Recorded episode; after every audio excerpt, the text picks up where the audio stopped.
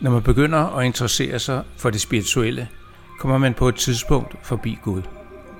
Det gjorde jeg også, og jeg blev et par år. Men øh, nu er jeg imidlertid på vej væk igen, fordi tro skal ikke bare være rart og trygt. For mig skal det også være sandsynligt, logisk og fornuftigt.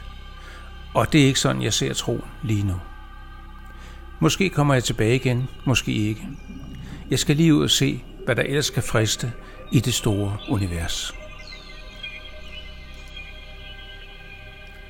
Her kommer ode nummer 101. Jeg er tvivleren.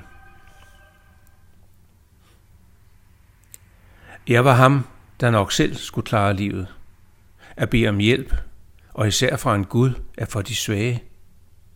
Ikke at jeg havde noget imod dem, det måtte de jo selv om, men jeg ville ikke regnes iblandt dem. Men så opdagede jeg troens tryghed. Det skete, da jeg i en sen alder begyndte at åbne mig for livet.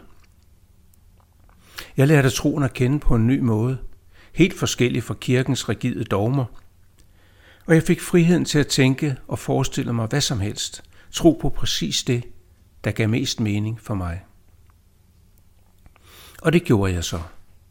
Reinkarnation, karma og spiralkredsløb, en- og dobbeltpolede væsener, næstekærlighed og vegansk føde. Masser af nye begreber krydsede min livsvej, og enkelte blev hængende. En dag mødte jeg så bønden, og efter lidt tilvælning mærkede jeg den tryghed, som ganske naturligt følger, når man ikke skal klare livet helt alene.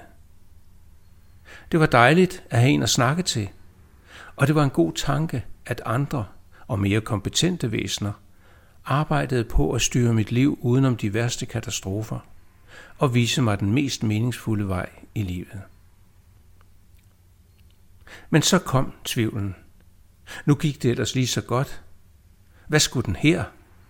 Og hvor kom den fra? Men jo, jeg ved godt, hvor den kommer fra. Den kommer fra min uafvendelige forventning om logik og sund fornuft i de store spørgsmål. Lad mig prøve at forklare. Først undrede det mig, at troen er så indviklet, at det kræver adskillige bøger at forklare den. Ja, den er faktisk så indviklet, at selv de kloge ikke forstår den. Selv de ved ikke, hvordan alting begyndte, og heller ikke, hvor det slutter, hverken rent geografisk eller i tid. Jeg synes også, det er mærkeligt, eller måske mere sådan lidt mistænkeligt, når man kan forklare alting ud fra nogle tekster. Det virker sådan lidt for let, at alting er præcis som det skal være. Ja, selv hændelser, der virker dybt ulogiske, grusomme og urimelige, får det blå stempel, når man har konsulteret bøgerne. Jeg har mange andre argumenter, men jeg vil nøjes med at nævne et. Bønden. Virker bønden? Får vi den hjælp, vi beder om? Jeg vil påstå, at den reelle effekt af bønden, altså når vi ser bort fra den tryghed, som vi suggererer os selv ind i, lige så godt kan skyldes tilfældigheder som indgriben fra det høje. Min påstand er, at bønden, ja, for så vidt hele trosbegrebet, virker, hvis bare vi tror, det virker.